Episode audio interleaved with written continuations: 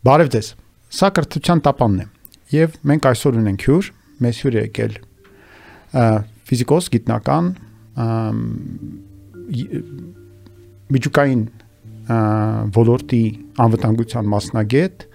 եւ հասարակական գործիչ Արեգ Դանագուրյանը։ Արեգ, բարև ձեզ։ Բարև ձեզ, շնորհակալություն։ Ես առաջարկում եմ այսօր մենք խոսենք նրա մասին, թե ինչպես են երիտասարդները, աշակերտները, ուսանողները դառնում գիտնական։ Որն է այդ ճանապարհը եւ ինչպես մենք լուծենք այսօր Հայաստանի արծեվ արչեվ մարտահրավերային այսպիսի խնդիրը դա գիտություն երիտասարդներին բերելը, գիտության կադրերը համալրելը, որը դարձել է մեր գիտության համար փաստացի օրհասական խնդիր, որովհետև մենք գնալով ունենում ենք կորուստ բնական, բայց այնպես չէ որ եթե դու գնաս սովորական դպրոց եւ հարցնես երեխային թե ինչ են իրենք երազում դառնալ, իրենցից կեսը կասեն գիտնական հազիվ թե դասանում մեկ երեխա գտնվի, որը կխոսի գիտության մասին որպես իր համար նախընտրելի ապագա։ Ես կուզենայի դրանից սկսել, որոնք են այն նախադրյալները, ինչ ինչ պետք է լինի երիտասարդի շուրջ, ինչ պետք է լինի դպրոցում, միգուցե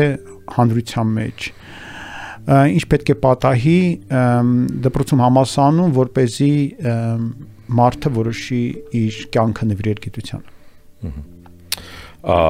դա շատ կարևոր ու ծավալուն հարց է։ Ես կասեի դա բերեւի բաղկացած է երկու մասից։ Առաջին հարցը ինչպես դասավանդել գիտությունը դպրոցներում, հա։ Երկրորդ հարցը ինչպես է լինում, որ մարդիկ որոշում են դառնալ գիտնականներ։ Եկեք երկրորդ հարցի վրա կենտրոնանանք սկզբից։ Ինչպես է լինում, որ մարդիկ, ասենք, երեխաները մեծանում են եւ որոշում են դառնալ գիտնական, հա, ասենք ես վերջերս շատ սիրում եմ այդ հարցը տալ իմ բոլոր ծանոթ գիտնականներին, երբ որ ազատ ժամանակ է, տես նայում եմ իրենք ինչ են պատասխանում։ Հիմնականում ես տեսնում եմ մի քանի սցենարներ, որոնցով, ասենք, երեխան ինչ որ մոմենտ ողջևորվել է որոշել է դառնալ, ասենք, գիտնական, հա մի սցենարում իրենց ծնող ծնողը գիտնական է, ընտանիքի անդամները գիտնական են, դա իմ դեպքն է, երկու ծնողներս էլ գիտնականներ են, ես փոքր ժամանակվանից միշտ նենց ունեի ինչ որ պատկերացումներ թե իրենք ինչով են զբաղվում, իրենք ինձ պատմում են գիտության մասին, ասենք հատկապես մայրս, բայց հայրս նույնպես։ Ու դա ոնց որ մոտ նաև ոնց որ բնական ցակ ուղղություն էր ընդհանրապես։ Նաև ասենք Հայաստանում գիտնականները դա ինչ որ շատ կոնկրետ կոնկրետ ոնց որ չգիտեմ հայերեն ինչպես ասել, բայց counter culture էր, բան sense բան դիսիդենտական փոքրամաս մշակութային փոքրամասնություն էր պրոլետարիատի դիկտատուրայի պայմաններում, հա։ Ու դա ինչ որ քո ինքնության մասն էր դառնում։ Սոնները գիտնական են, դու ես դառնալու գիտնական։ Դա մի սցենարն է, որ ես տեսնում եմ։ Երկրորդ սցենարը, ասենք, մարդիկ, որոնք մեծացել են ոչ գիտնականների ընտանիքներում, ասենք, բանվոր գյուղացիների ընտանիքում, արվեստագետների ընտանիքում, հա։ Ու ինչ որ մոմենտ իրենք, ասենք, գնացել են ինչ որ ակումբ, հա, ասենք պիոներ պալատում սովետական ժամանակները, հա, ու ինչ որ ասենք չգիտեմ, իրանք ինչ որ հրթիռ են կառուցել կամ ռադիո են սարքել, ու իրանց մոտ դա ահա որ իրենց ողջևորել է, ու դրանից իրենք ուզել են դրանից ավելի շատ անել, ու ինչ որ մոմենտ այդ ձերքով աշխատել է, ինչ որ բան կառուցել է, սկսել է վերածվել ավելի խորը մտածելուն, թե ինչ է սրա մեջ, հասկանալ դրա հետևի ֆիզիկան, դրա միջի քիմիան, նյութաբանությունը, մաթեմատիկան ու դրանից հետո մարդը գնացել է այդ այդ ուղղությամբ։ Ու վերջապես երրորդ օրինակը, որի հետ ավելի բական հաճախ առաջում ես, ասիկա մի ուսուցիչ, որը երեխային ահավոր ողջևորել է, ու այդ երեխան սիրահարվել է այդ մասնագիտությանը, լինի դա, ասենք, ճշգրիտ գիտություն է, թե հումանիտար առարկան, հա, ու որոշել է, որ կյանք ուզում է նվիրել դրան, հա այս բոլոր առաջին հանգամանքը դա ոնց որ չես կարող փոխել երախան ծնվել է այնտեղ որտեղ ծնվել է երկրորդը դա կարելի է փոխել եւ այսօր այսօր Հայաստանում շատ ուրախ եմ տեսնել որ կան այդպիսի ջանքեր հա Թումոն ասենք impact բանը կենտրոնը լորիում եւ ինչ ինչ ինչ ուզում եմ այստեղ շեշտադրել այն է որ պատմականորեն սա ավելի շատ արվել է, ասենք, քաղաքներում, հա, եւ դա հիմնականից կենտրոնացել միշտ տղաների վրա, հա։ Երբ որ դու կենտրոնում ես միան քաղաքներում, դա նշանակում է բնակչության կեսը, եւ կենտրոնում ես այդ եղածի տղաների վրա, այսինքն դրա կեսի կեսը, նշանակում է, որ դու օգտագործում ես քո հասարակության ռեսուրսի, հնարավոր ռեսուրսի ընդամենը 25%-ը, հա? Դու դուրս ես թողնում աղջիկներին, հա, եւ դուրս ես թողնում գյուղացիների երեխաներին, հա, որ դա 75% է, հա։ Հայաստանը չի կարող իրեն թույլ տալ շռայլել իր ռեսուրսի 75%-ը։ Դրա համար ես շատ ուրախ եմ տեսնել, որ հիմա Հայաստանում կան կենտրոններ Երևանից դուրս, հա, եւ ես շատ ուրախ եմ տեսնել, որ աղջիկները գնալով ավելի ու ավելի շատ են ներգրավում գիտության կրթության այնց ամենաառաջադեմ դրսևորումներում։ Դա դա շատ շատ դրական, շատ դրական միտում է։ Եթե վերադառնանք իհարկե ուսուցիչների կարևորությունը մարդիկ բոլորը հասում են որ այո ուսուցիչները կարևոր բայց դրանք չեն պատկերացնում թե ուսուցիչները ինչքան կարևոր են ես օրինակ իմ վրա իմ ուսուցիչները հսկայական ազդեցություն են թողել եւ դրական եւ շատ բացասական, եթե վատ ուսուցիչ եմ ունեցել, ես ընդհանրապես խաչ եմ քաշել այդ բնակավարի վրա, հա։ Ես տեսնում եմ իմ երեխաների մոտ, հիմա ես իմ աղջիկս 18 տարեկան է, 10-15 տարեկան, ես ուղղակի տեսնում եմ, իրանք ամեն տարի իրենց մոտ ասենք լավ մաթեմատիկա ուսուցիչ ունեն, իրանք ուզում են մենակ մաթեմատիկա զբաղվել։ Հաջորդ տարի վատ մաթեմատիկա ուսուցիչ է, նրանք չեն ուզում էլ մաթեմատիկայի մասին անգամ լսել, հա այս ուսուցիչները հսկայական, հսկայական դեր են կատարում երեխաների մարդ դառնալու process-ում։ Բայց ես նաև կուզենայի վերադառնալ սկզբնական հարցին, իսկ ո՞րն է ուսուցչի դերը, հատկապես մանկավարժական դպրոցական միջավայրում ուսուցչի դերը ապակա գիտնական կերտելը չէ։ Դա դա նույնպես ուսուցչի հիմնական դերը դա երեխաներին այնպես անել է, որ երեխաները գիտություն իմանան Գիտություն իմանալ եւ գիտնական դառնալ դա նույն բանը չի։ Պարտադիր չի, որ դու գիտնական դառ որ որ դու եթե գիտություն գիտես, դու գիտնական դառնաս եւ հակառակը, որ միայն գիտնականներ գիտություն դառնան։ Ես կուզենայի, որ Հայաստանում լինի մի հասարակություն, որպես ինչպես մենք սովորում ենք ճաշեպել, այնպես էլ իմանանք թե ինչ բան է գիտությունը, որովհետեւ միջին քաղաքացին կարողանա սխեմատիկորեն գոնե հասկանա ինչ բան է գիտության տարբեր բնակավարներ, իրանք ինչ են անում մոտավորապես պարտադիր չէ որ նրանք դասենք գիտնականի նման իմանան, բայց մոտորապես դա իմանան եւ հասկանան գիտության կարեւորությունը եւ ազդեցությունը իրենց ամենօրյա կյանքում։ Շատ մարդիկ մտածում են գիտության մասին ինչ-որ մի բան, որ արվում է ինչ-որ հերրավոր լաբորատորիայում, ինչ-որ տարօրինակ մարդկանց կողմից, հա, ինչ-որ բաների պաշտպանական խալատների մեջ եւ այլն։ Նրանք չեն հասկանում, որ իրենց էփած ճաշը դա քիմիա է, հա։ Իրենց, չգիտեմ, արած բան, իրենց սեղանը դա նյութաբանություն է, հա, եւ քիմիական ինժեներիա։ Իրենց հերրախոսը դա մաթեմատիկա, ֆիզիկա, նյութաբանություն, քիմիա եւ անգամ կենսաբանություն է հիմա, հա։ Այսինքն գիտությունը իր ուղղակի շրջապատում է իրենց ամբողջ իրենց հակուսները քիմիա քիմիական արդյունաբերության հետևանքն են, հա իրենց դեղերը դա բանի ոնց է նույնպես քիմիայի եւ կենսաբանության է այսինքն երբ որ մարդիկ դա սկսեն ընկալել ու տես հասկանան որ գիտությունը իրանց կյանքի մեջ է իրենց մարմնի մեջ է ու սկսեն հասկանալ դա կոնկրետ դա ինչ է նշանակում այ դա կբերվի կբերի հասարակության շատ մեծ փոփոխությունների երկու բան ասեմ սրա հետ կապված առաջինը աղջիկների եւ տղաների փաստացի մենք ունենք այնպիսի վիճակագրություն եւ դա հայտնի է նաև պետության կատարված հետազոտությունների հիման վրա, որ աղջիկները ավակ դասարաններում ավելի լավ են սովորում, քան տղաները։ Այո։ Եվ այն, որ համասարաներում համա համաչափություն աղջիկների տղաների այնքան էլ խախտված չի դեպի աղջիկներ, պայմանավորված է զուտնանալ համասանները փաստացի բոլորին են վերցնում, բայց եթե դուք նայեք թե համասաններում ով ավելի լավ է սովորում դարձյալ աղջիկները։ Այնպես որ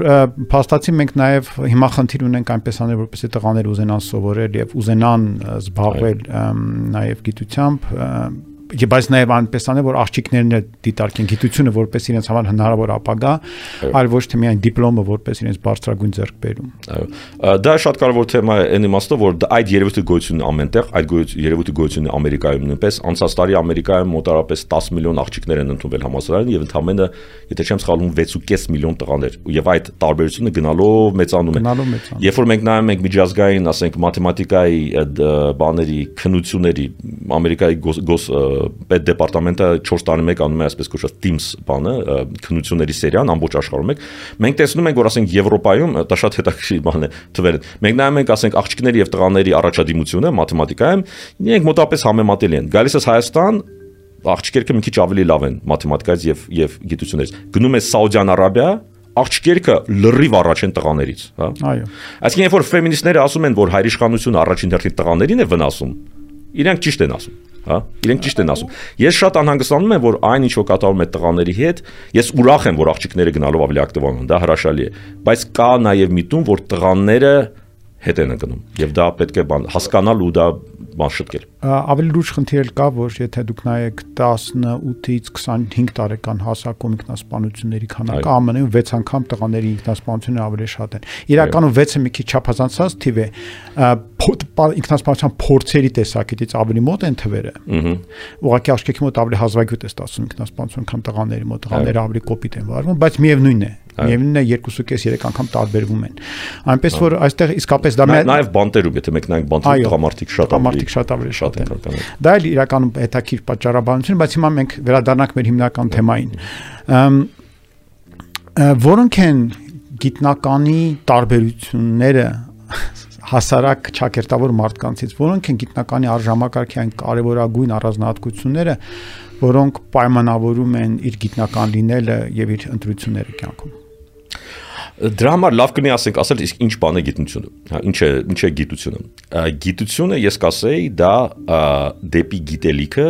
դեպի ճշմարտությունը սիստեմատիկ դա այն աշխատանքն է, որը մեզ սիստեմատիկորեն մոտեցնում է դեպի գիտելիքը եւ դեպի ճշմարտությունը հա այսինքն գիտությունը մենք ամեն մեր կյանքում շատ հաճախ ենք մենք փորձում տեղեկություններ ստանալ գիտությունը երբ որ դա արվում է շատ սիստեմատիկ ձևով հա քայլ առ քայլ գիտական մեթոդներ օգտագործելով բան հիպոթեզ սահմանելով հետո հիպոթեզը ստուգելով ասենք էքսպերիմենտալ փորձարարական ձևերով եւ այլն եւ այլն բայց գիտության հիմնական նպատակը ու դա բոլոր գիտությունների մասն է գնում, դա դա նաև հումանիտար գիտությունների մասին է խոսքը գնում, դա ճշմարտությանը մոտենալն է եւ ճշմարտությունը որքան կարելի է հասկանալն է, հա։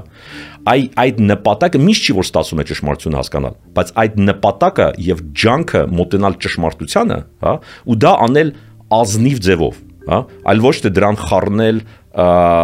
գաղափարախոսություն ոչ թե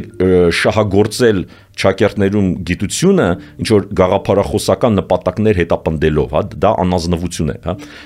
Գիտությունը առաջին հերթին այդ քաղցր թե դառը, բայց իրական մաքուր ճշմարտությանը մոտենալն է, որովհետև գիտնականները հավատում են, որ դառը ճշմարտությունը հազար անգամ ավելի լավ է քաղցր ստից, որովհետև քաղցր սուտը քեզ տանում է կործանման ճանապարհով իսկ դառը ճշմարտությունը քեզ թույլ է տալիս շտկել քո խնդիրները եւ ինքնաուղղվել եւ լավացնել քո ամեն ինչը Ինչու ես հիմա մտածեցի Հայաստանի մասին հետաքրքիր։ Դեռ ոչ մի ակնարկ չկար։ Իհարկե։ Աշխարհում կան միլիոնավոր մարդիկ, ու այդ մարդկանց թիվը ցավոք չի նվազում, անգամ աճ է ապրում վերջերս, որոնք հավատում են, որ երկիրը հարթ է եւ վերջերս ԱՄՆ-ում թողարկվել է մի ֆիլմ, որը այսպեսի սենսացիա է առաջացրել, դա կոչվում անգլերեն կոչվում է Don't Look Up, մինայր վերև, որտեղ հայտնի դերասաններ են նկարվել, Դիկապրիոն եւ եւ մնացածները, որոնք պատկերում են այն իրադարձությունները, որոնք կարող են լինել, երբ ասենք գիտնականները հայտնաբերում են, որ երկրի վրա գալիս է մի հատ մեծ ասուպ ասուպ, որը կարող է այո հարվածել ոչնչացնել, ոչ թե կարող է հաստատ հարվածել եւ ոչնչացնել։ Եվ ամբողջ ֆիլմը այն զավեշտի մասն է, որ ինչպես է մարդկությունը դա անցալում, որպես հանգիստ թողեք մեզ։ Հա, լող լավ կլինի։ Հա, լող լավ կլինի։ Այդ այդ միտումը, այդ ընկալումը գիտության, անլուրջ ընկալումը, արդյոք դա վտանգ չի այսօր։ Արդյոք չկա այնպիսի ընդհանրական իրավիճակ, երբ որ կա այսպիսի բան խզվածություն գիտության եւ մարդկության շփման մեջ գիտության կարողության եւ կարեւորության ընկալման մեջ արդյոք գիտական արդյունքը չի վերածվել ընդհանրապես խաղակարտի որը կիրառվում է այն պահին երբ որ պետք է եւ մոռացվում է այն պահին երբ որ պետք չէ այստեղ ես մի օրինակ էլ բերեմ Թրամփի օրոք այդ գլոբալ տակած տակածվելու տակածման տակածման հա ջերմացման այդ խնդրին այդ այդ վերաբերմունքը իշխանությունների Ամերիկայի, որը փաստոցի մի քանի տարով յետ գցեց առանց դրա շատ վտանգավոր գործընթացին պատրաստվելու համաշխարային այդ ջանքը ինչ պետք է անեն միգուցե դպրոցները, կրթությունը, արդյոք սա ընդհանրապես կապված է մարդկանց կրթության հետ, թե սա մի բան է, որի հետ առնչվելու առումով կրթություն անզոր է։ Ամ Ինձ իհարկե մտահոգությունում է, երբ որ մարդիկ շղթում են գիտությունը, ու շղթում են գիտական, ասենք, հետազոտությունների արդյունքները, ու ես ասում եմ, լավ հասկանալով, գիտական հետազոտություն արդյունքները մեկ-մեկ սխալ են բարձում։ Դա կա բայց կյանքում խոսքը ոչ թե գնում է երաշխիքների մասին, կյանքում երաշխիք չկա։ Այո, սխալ գիտնականները կարող են սխալվել։ Եթե դու գիտնական ես, դու առաջիններն ընդունում ես, որ դու կարող ես սխալվել։ Այստեղ հարցը հավանականությունների մասին է։ Այսինքն կոնկրետ ինչ որ մոմենտ, երբ որ գիտական համայնքը եկել է այն կոնսենսուսի, հա, այն համաձայնության, որ ահա սա է ճիշտ ճանապարհը, դա քո շահերից է բխում, հա, դա այսինքն միջինում հավանականորեն դու ավելի լավ քո գործերը ավելի լավ կգնային դու հետո դու դրանց խորհրդին լսես հա ամ Եվ իհարկե, երբ որ ասենք լսում ես մարդկանց մասին, որոնք բան են անում, թերահավատությամբ են վերաբերվում, լինի դա գլոբալ տակածմանը, լինի դա երկրի քլոր լինելուն, հա, լինի դա ասենք կորոնավիրուսի վտանգ վտանգավորությանը, էլի ես ոչ մի միտուներ Հայաստանի նկատմամբ, հա դա դա շատ մտահոգիչ է թեկուզ նրա պատճառը որ մարդիկ մարդիկ մեռնելու են մարդիկ մեռնելու են հա Հայաստանում 10000 մարդ է մեռել այս տարի հա այս վերջին 2 տարվա ընթացքում դա 2.5 անգամ ավելի շատ կորոնավիրուսից 10000 մարդ դա 2.5 անգամ ավելի շատ է քան թե պատերազմից են զոհվել հա ամեն տարի Հայաստանում եթե չեմ սխալվում մոտավորապես 5-ից 6000 մարդ մեռնում է քաղցկեղից հա եւ որոշ քաղցկեղի մահերը գուցե անխուսափելի են բայց շատ մահերը խուսափելի են եթե մենք նստենք ու հաշվենք թե քան ինչպիսի քանի ավել, ավել ցուկ մահ ենք մենք ունեցել վերջին 30 տարվա ընթացքում, հա, գուցե խոսքը կգնա 50, 60, 100 հազարների մասին, հա, մենք անհանգստանում ենք Արցախի անվտանգությամբ եւ պետք է անհանգստանանք Արցախի անվտանգությամբ։ Մենք անհանգստում ենք Հայաստանի անվտանգությամբ եւ պետք է անհանգստանանք Հայաստանի։ Բայց մենք բայց մենք կարծես լրիվ հանգիստ ենք վերաբերվում տասնյակ հազարավոր մահերին, հա։ Այնուամենայնիվ, այնուամենայնիվ ես կարծում եմ, որ եւ մի բան էլ ասեմ, եւ այստեղ հարցը հիմնականում հետեւյալն է Ստեղ շատ հեշտ է մարդկանց ասել, որ նրանք տգետ են, ես ինքս դա արել եմ շատ անգամներ, բայց իրական հարցը պետք է տալ, իսկ ինչու են մարդիկ այդպես, հա։ Ասել, որ նրանք բան են, նրանք հիմար են, դա դա ծուլություն է, դա մտավոր ծուլություն է։ Պաճառներն ինչու մարդիկ չեն հավատում գիտնականներին, չեն հավատում պետակ պետակ չեն հավատում պետակ պետությանը, դա ոչ միայն գիտելիքների բացակայությունն է, նույնպես դա, բայց դա շատ հաճախ թերահավատությունն է պետական ինստիտուտներին, որոնք իրենց վերջին 100 տարվա ընթացքում խაფել են Խոսքը գնում է եւ անկախ Հայաստանի պետության մասին, եւ սովետական պետության մասին, եւ ցարական պետության մասին ու զարմանալի կլներ թե մարդիկ թերավատությամբ չվերաբերվեն մի պետությանը, որը իրենց հրամաններ է տալիս իրենց մարմնի մասին, հա։ Դա վատ է, դա բերում է, ինչպես ասացի, 10000 մահվան, բայց մարդկային առումով դա ինչ որ ինչ որ մոմենտ դա դա գուցե հասկանալի է, անընդունելի, բայց հասկանալի։ Ամ Ես այնուամենայնիվ ինչ վերաբերում է գիտության վարկին, ես տեսնում եմ օրինակ արևմուտքում եւ իրականում Հայաստանում էլ ես տեսնում եմ որ գիտության վարկը ընդհանուր բարձրանում է, հա։ Եթե մենք նայենք, ասենք, ես հիշում եմ, որ ես ուսանող էի 90-ական թվականներին, հա, եթե ինչ որ ասենք աղջիկա հետ գնում էր ժամադրության ու փորձում էր խոսել, ասենք, ֆիզիկայի մասին, հա, դա լրիվ փչացնում էր գործը, հա։ Իհարկե, եթե նա ֆիզիկոս էր, ուրիշ բան, հակառակը գործը շատ ավելի լավ էր գնում ու իմ առաջին կինը ֆիզիկոս բարձվեց։ Բայց ընդհանուրում ֆիզիկան չէր համարվում գիտություն չէր համարվում ինչ որ նենց սեքսի թեմա, հա թերթերը շատ հազվադեպ են գրում գիտական բաների հաջողությունների կամ ինչ որ հետաքրքիր արդյունքների մասին։ Հիմա մեծ թերթերը իրենց էջերը ողողված են տարբեր հետաքրքիր գիտական բաներով արդյունքներով։ Հիմա թերթերը, ասենք, տարբեր BBC, New York Times-ը, որ անգամ մեր մեր թերթերը ունեն մի մի բան, սեկցիա, որը հենց նվիրված է գիտությանը, ու մի սեկցիա, որ նվիրված է տեխնոլոգիային, հա այդ ֆիլմը, որը նկարահանվել է, հա, Don't Look Up, մինա իր վեր, հա, դա իրականում դա հրաշալի բան է, որ փաստորեն Հոլիվուդի բան դերասանները փորձում են հասարակությանը հասկացնել, որ գիտությունը կարևոր է։ Դա ուղղակի հեղափոխական փոփոխություն է հասարակության մեջ, երբ որ այն հասարակության այն մասը, Հոլիվուդը, որ գիտությունից ամենահեռու մարդիկ են, հիմա նրանք նետվում են ու փորձում են համոզել իրար ու հասարակությանը, որ Ժորժ ջան գիտությանը լուրջ վերաբերվեք։ Դա շատ-շատ դրական միտում է։ Այսինքն երկարաժամկետ առումով ես լավատես եմ։ Հիմնական խնդրեմ, որ ես տեսնում եմ, այն է, որ հասարակությունը գնալով ավելի ավելի բևեռացվում են։ Բաները կրթված մարդիկ ել ավելի կիրթ են դառնում, իսկ ասենք չկրթված մարդիկ իրենք շատ իրենք իրենց խրամատների մեջ են մտնում ու ել ավելի են իրենց դիմադրությունը ել ավելի է կոշտանում։ Ու ես ես կարծում եմ սա ավելի շուտ հասարակական հոգեբանական խնդրեմ է Դե այդ հոգեբանական խնդրը ունի նաև հիմք հետազոտությունից են տալիս, որ եթե երեխան գալիս է ընտանիքից, որտեղ ծնողները բարձրագույն կրթություն են ստացել, ապա իր հավանականությունը, որ նա կընտրի նաև բարձրագույն կրթություն ստանալ եւ լավ կսովորի, տասնյակ անգամ ավելի բարձր է, քան շատ ավելի բարձր է մի խոսքով, քան այն ընտանիքների պարագայում, որտեղ հակառակն է, որտեղ ծնողներ չունեն բարձրանկրթություն, մյուսով այնտեղ վիճակագրական տարբերությունը շատ զգալի է։ Ցավոք, եւ դա մեծ խնդիր է ոչ միայն Հայաստանի համար, դա խնդիր է բոլոր պետությունների համար, ես դա այդ ամբողջապես համաձայն եմ, մենք խնդիր ունենք ինչպես անենք, որ เป զի գյուղերից երեխաները ընտրեն գիտություն, այդ ձեր ասած հավասարությունը լինի եւ ոչ միայն գյուղ քաղաք տարբերությունը մենք ունենանք, չունենանք այլևս այլ նաեւ աղջիկ տղա տարբերությունը եւ ոչ միայն նաեւ ասենք փոքրամասնությունների, օրինակ ասենք Հայաստանում կան փոքրամասնությունների եզդիներ, որոնք լրիվ բաներ են, լքված են հասարակության կողմից եւ նրանք նրանց ոչ պրոգրես չկա։ Նաեւ նրանց բերել այս այս այս ոլորտը։ Ու մի հատ արեք բան ավելացնեմ, օրինակ MIT-ում, երբ որ ասենք ուսանողներին ընդունում են, կան տարբեր կատեգորիաներ, որոնցով ասենք ուսանողների դիտարկում են որպես ասենք փոքրամասնության անդամներ վերջին 10 տարին ավելացվել է նոր կատեգորիա կոչվում է first generation students առաջին սերնդի ուսանողներ որովհետև այն սերունդները որտեղ չեն եղել կրթված մարդիկ նրանք ասենք նրանք մնում են այդ դա կոչվում է աղքատության թակարդի մեջ հա poverty trap ու այնտեղից դուրս չեն գալիս ու հիմա MIT-ին եւ մի շարք ուրիշ համալսարաններ դնում են շատ մեծ բան կարեւորություն նաեւ որ այդ գյուղացի չկրթված հա կրթություն բարձրագույն կրթություն չստացած ավելի ճիշտ կներ ասել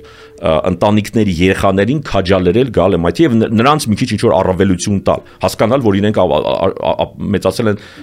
մի միջավայրում որը չի քաջալերել ասենք գնալ գիտության որտեղից կրթություն ստանալ ու դա հաշվի առնել ընդունելության process-ում մի հետաքրիր մշակույթ կա վերջերս ձևավորում որ ձևավորում է երիտասարդների մոտ այն որ անկախ նրանից զբաղվում են իրենք գիտությամբ թե ոչ իրենք շատ հաճախ օգտագործում են հետազոտել բառը research Օրինակ իմ դուստրերը երկուսներ երբ որ ինչ որ գնում պետք է անեն կամ ինչ որ պետք է դեղամիջոց որոշեն ինչ որ փոքր խնդիր լուծելու համար եւ այլն իրենք հենց այնպես չեն որոշում իրենք կատարում են որոշ հետազոտություն իրենք կարդում են նյութեր համադրում են փնտրում են ճշմարտություն եւ իրականում հայտնի է որ գիտության մեջ էլ եղած նյութի վրա հիման վրա նոր արդյունքի գալը նաև համարվում է հետազոտական աշխատանք եւ իր բնույթով շատ տակի հետազոտական մոտեցում է։ Եվ այն որ կարելի է շարունակելով այն միտքը որ դուք սկզբում ասացիք, այն որ կարելի է ընդամենը շատ հեռունել գիտությունից, ընդամենը սորական կյանքում կիրառել որոշ գիտական մոտեցում, ես չասում գիտություն ունենալ, բայց կիրառել գիտական քննադատական մոտեցում, քննադատական եւ հետազոտական մոտեցում հարցերին դա կարող է բերել մեծ փոփոխության, դա կարող է բերել նաև մեր ասած խնդրի լուծմանը։ Եթե մենք կարողանանք այդ տարբեր միջոցների շնորհիվ, որոնք նաև են ծրագրերի նախագծերի, որոնց դուք թվարկեցիք, որոնց կարելի է ավելացնել նույն նախագծեր եւ եղած նախագծեր, նույն արմատ լաբորատորիաները, որոնք երեխաների մեջ ձևավորում են այդ մտածողության տեսակը, որ ես իզորու եմ որոշում կայացնել ծանոթանալով նյութի հետ եւ կատարելով որոշ մտավոր աշխատանք, Այդ այն կարծիքով հետաքրիր գրավական կլինի, որպես երեխաներին տանենք դեպի ապագա գիտության ընտրություն, որպես իրենց մասնագիտություն։ Դա շատ հրաշալի օրինակ է։ Ես երեխեքս հիմիկվա երեխաները ուղղակի հրաշալի են։ Իրենք ֆանտաստիկ են։ Իրենք խելոք են, ավելի խելոք են, քան իմ սերունդը։ Իրենք ավելի տեղեկացված են, քան իմ սերունդը այդ ժամանակ, հա։ Իրենք ավելի հասուն են շատ հարցերում, տա հաս ուրիշ հարցերում, բայց դե ինչ արած, հա եւ նրանք ավելի նրբամիտ են նրանք շատ նրանք նրբությունները շատ ավելի լավ են հասկանում եւ նրանց խապել հնարավոր չէ այսինքն ձեր ասենք օրինակ որ բերում եք անցյալում ինչպես դա որոշումը կայացվեր դա կայացվեր հիմնականում ասենք էմոցիոնալ ձևի էս բանը դուրս գալիս է գունը դուրս գալիս է գնում եմ առնում եմ իսկ հիմա նրանք գնում են նրանք փոքր փոքրիկ մինիատյուր հետազոտություն են անում եւ նրանք հավաքում են ավելի, ասենք, առարկայական օբյեկտիվ տեղեկություն, որը գուցե հիմնված է ռիվյուների վրա, որոնք ինստինկտիվ իհարկե բան են, սուբյեկտիվ են, բայց նրանց գումարայինը սկսում է դառնալ ինչ-որ օբյեկտիվ բան, չափորոշիչ։ Ու այն որ նրանք դա հասկանում են, ու այսինքն նրանք կարողանում են իրancs, ասենք, հույզերը եւ օբյեկտիվ տեղեկությունը իրարից տարբերել, հա, Իրանք գուցե այդ բառերը չգիտեն, բայց իրանք իրancs մոտ դա բնականորեն ստացվում է։ Ու այն որ դա 16 տարեկան, 18 տարեկան երեխան դա կարողանում է, իմ սերնդի 50 տարեկան մարդիկ դա չեն կարողանում անել, դա շատ-շատ լավ միտում է։ Ու ես այդ այդ դա այդ օրինակը այն պատճառներից մեկն է, ինչու ես բավականին լավատես եմ ապագայի մասին։ Բայց ցավոք, եթե հիմա վերադառնանք մեր կրթական իրականությանը, մենք տեսնում ենք որքանով է այդ մոտեցումը այդ երեխաների բնական չգիտակցված միգուցե ձգտումը ինքնուրույն որոշումներ կայացնել հետազոտելով իրականությունը, պրպտելով, որը երեխան անում է ծնվելուց հետո առաջին օրվանից։ ինչպես է դա կոտրվում այդ ուսուցիչների միանշանակությամբ, թելադրանքով, թելադրական այսպիսի մոտեցումներով, պարտադրանքով մենք միջև այս հաղորդումը սկսելը քննարկեցինք նաև թե պատմությունը ինչպես է դասավանդվում փոխարենը երեխաներին սովորեցնեն ինքնուրույն մտածել եւ դիտարկել իրականությունը, այսպես միանշանակ թելադրական, քարոշչական թեզերով են առաջնորդվում, որը նաև երեխաների մոտ կոտրում հետաքրքրությունը այդ ամենի նկատմամբ։ Եվ իրենց սկսում է թվալ, որ կա կյանք, որը լի է բարդություններով, բարդ իրականություններով։ հա։ Եվ կա այսպիսի դպրոցական աշխարհ, որտեղ ամեն ինչը պրիմիտիվ է, པարզ է եւ այնքան էլ պիտանի չէ իրենց, որտեղ իրենք գիտակցում որ սա կյանքում փաստացի չի կիրառվում։ Հա այնինչ որ դուք նկարագրում եք շատ շատ ցավալի է ես դրա հետ շատ ծանոթ եմ որովհետև ինքս անցել բան այդ միջնակարգ կրթություն եմ ստացել Հայաստանում սովետական ժամանակները այո ցավոք սրտի երբ որ ուսուցիչները ասենք կոտրում են արծում է մեր կրթական համակարգը մեր կրթական մոտեցումները մեր ճակերտներում մանկավարժությունը ասում եմ ճակերտներում որտեղ շատ ուսուցիչներ մանկավարժներ չեն գալիս է սովետական ժամանակներից որը հիմնականում հիմնված էր կրկնության եւ հնազանդած հնազանդեցնելու վրա։ Ինչու՞, որտեղ սովետական պետությունը հիմնված էր մարդկանց հնազանդեցնելու կարիքի վրա, իսկ հնազանդեցնել մարդկանց լավագույն ձևը դա նրանց քննադատական միտքը կոտրելն է եւ ստիպել է որ նրանք կրկնեն, կրկնեն, կրկնեն։ Այնպես ինչպես մենք անցնում ենք օրինակ ասենք հայոց լեզուն եւ պատմությունը, դա մեծամասնությունը, դա կրկնություն էր, դա անverջ կրկնություն էր։ Ես երբ որ գնացի ԱՄՆ, ու ես ինձ բախտս բերեց, որ ես 1 տարի այնտեղ սովորեցի միջնակարգ դպրոցում, high school-ում, այսպես կոչված, վերջին տարին, ես ապշել էի թե ինչպես են այնտեղ դասավանդվում լեզուն եւ լեզուգրականությունը եւ պատ, պատ, պատմաբանությունը։ Ես զարմացել եմ թե այնտեղ ինչքան վերլուծաբանական է ամեն ինչը երբ որ քեզ պարտադրում են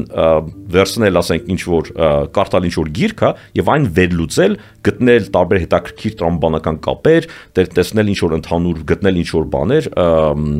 ինչ որ ընդհանուր թեմաներ եւ ամենակարևորը քեզնից պահանջվում էր կարծիք ձևավորել եւ այդ կարծիքը հիմնավորել, հա։ Ես նայում եմ թե ինչպես է ասենք աղջիկս ու տղաս ինչպես են իրանք անցնում լեզու գրականությունը, դա բարդ տրամաբանական ուղեղային աշխատանք է։ Մեր ժամանակ դա ստեղ դա թութակություն էր։ Բացարձակ թութակություն էր շատ մարդիկ հարցում են արդյոք պետք է մեջը մեկը վերջնական քննարկում արդյոք գիտնականներ պետք է սովորեն լեզու եւ պատմաբանություն կարճ պատասխանը իհարկե որտեվ լեզուն եթե այն ճիշտ է դասավանդվում միայն եթե այն ճիշտ է դասավանդվում դա քո մտքերի ձևավորման վերլուծ վերլուծության նրանց մեր թուլությունները գտնելու ձև է. Լեզ ինքը լեզուն դա գործիք է դա ուղեղ աշխատացնելու գործիք է Մեր մոտ դա ցավոք սրտի դասավանդվում էր, գուցե հիմա էլ է դասավանդվում, որպես ճորուն-ճորուն շարդություններ գրելու, քո բառապաշարը բառապաշարը ցուցադրելու հիմնականում ձևականություն, հա։ Ու մենք ուրիշ բան չենք էլ պատկերացնում, պատմությունը այն մեր մոտ ինչպես էր դասավանդում։ Նույնպես դա հիմնականում պատմվածքներ էին մեզ դասավանդում, հա։ Այնտեղ Ամերիկայում դա այլի բերում է վերլուծության, գտնում ես հակասություններ, ողջում է որ այն ինչ որ շատ ընդունված է իրականում սխալ էր, ողջում է որ շատ բաներ որ թվում են ակնհայտ իրականում այդպես չէին, դու քո երկրի պատմությանը մոտենում ես քննադատաբար, որի համար քեզ դավաճ անկանվանեն այս երկրում, հա, իսկ այնտեղ դա խրախուսվում էր ու ել ավելի խրախուսում հիմա, հա։ Էլի ինչու, որովհետև նպատակը դա ճշմարտությունն է պատմության, լեզվի, ֆիզիկայի, մաթեմատիկայի նպատակը դա դա ճշմարտությունն է, ճշմարտության մոտենալը, հա, այլ ոչ թե ինչ որ եղած բան դոգմաները անverջ կրկնելը։ Շնորհակալություն վերջի միտքս ասեմ եւ երևի ամփոփենք վերջերս մեր Հայաստանի մարզերից մեկի տնօրենների հետ էս սեմինար էինք վարում եւ ես մեջբերեցի դեպք, որը կապված էր երեխաների վարքային խնդիրների հետ դասանում միջին դպրոցի Իրենք լսեցին, լսեցին ու ասեցին, մենք նման խնդիրներ չունենք, մեզ մոտ երեխաները որևէ վարքային խնդիր չեն ցուցաբերում դասի ժամանակ։ Ես երևի թե պետք է նախանձեի կամ ուրախանայի, բայց տխրեցի, որովհետև ես մտածեցի այդ նույն բանի մասին, ինչ որ դուք ասացիք, այդ հնազանդեցնելու մշակույթի մասին, երբ որ երեխան անգամ չի խախտում կանոնները դպրոցում, ինչ ինքը ինչը ինքնստինքյան խնդիր է, որտեվ այդ կանոնները խախտելը դա ճանապարհ է դեպի ինքնազարգացում, դա ճանապարհ է դեպի նոր տարածք գրավել, դա ճանապարհ է դեպի փորձարկել այն, ինչը մինչ այսօր քեզ համար արգելք էր, որտեվ առանց դրա չի կարող լինել մտքի զարգացում, առանց դրա չի կարող լինել անձի զարգացում։ Այո այո, ասենք բնականաբար դպրոցում պետք է լինեն ինչ որ սահմաններ, հա, ինչ որ կարմիր գծեր, հա, բայց նաև պետք է լինեն դեղին գծեր, հա, նախքան կարմիր գծերը, հա։ Եվ ասենք պետք է ասենք ճկուն վերաբերվել երեխայի, ասենք, բան, անհնազանդ վարքին, ճկուն չի նշանք, որ ամենաթողերը նշանակում է, որ ասենք, եթե նա մի քիչ է բանանում, իրեն վատ պահում, դու իրեն մի քիչ ես բանանում, ասենք, հա, բաժում, եթե նա իսկապես ինչ-որ արտակարգ բան է արել, այն դեպքում պետք է իհարկե ավելի կոշտ վերաբերվել։ Բայց պետք է այդ ամեն ինչում պետք է հասկանալ, որ լրիվ բնական է, որ երեխաները հատկապես երբ որ մտնում են այս, չգիտեմ, հայերենը ոնց է ասում, թինեյջեր տարիքը, նրանց մոտ սկսում է այդ բանը ըմբոստությունը եւ զարմանալի կլիներ, եթե այդ ըմբոստությունը չլիներ։ Երբ որ ես լսում եմ, որ երեխաները ըմբոստ չեն, դա ինձ նույնպես տխրեցնում է։ Ընդհանրապես ես նայում եմ բանը Winston Churchill-ի մեջ շատ լավ բաներ ասել, նա ասել էր եթե դու 20 տարեկանում լիբերալ չես, դու ուրեմն սիրտ չունես, եթե դու 30 տարեկանում մի քիչ ավելի պահպանողական չես, ապա դու խելք չունես։ Ու ես տեսնում եմ մարդկության պատմություն հետեւյալ ձև։ Մենք ունենք երիտասարդներ, որոնք ըմբոստանում են, ու ավելի ավակ սերունդ, որ փորձում են մի քիչ բան անել, կառավարել այդ ըմբոստությունը։ Եթե ավակ սերունդը կոտրում է այդ ըմբոստությունը, ապա սկսվում է ճահճացում։ Եթե ավակ սերունդը չի դիմադրում, ասպա սկսում է քաոս իդեալական պրոգրես այն ժամանակ է, որ այդ երկու բաները իրար մենք թույլ ենք տալիս ինչ որ ըմբոստություն, բայց ինչ որ չափու սահմանով եւ բայց շատ կարևոր է երեխաները, ասենք, ին կարողանան ինքնարտայտվել, էլի։ Շնորհակալություն։ Այսքանով երևի այս հաղորդումը ավարտենք։ Մենք կարող ենք շատ երկար խոսել, հուսամ սա վերջին խոսակցությունը չի, շատ թեմաներ կան հետաքրքիր, որոնց կարող ենք անդրադառնալ։ Մյուս անգամ երբ լինեք Հայաստանում, դարձյալ հravirում եմ տաղավար, շարունակենք մեր այս հետաքրքիր խոսակցությունը։ Այսքանով մենք ավարտում ենք այս հաղորդումը։ Շնորհակալ եմ, որ մեզ հետ էիք։ Հանդիպենք հաջորդ երեք շաբթի։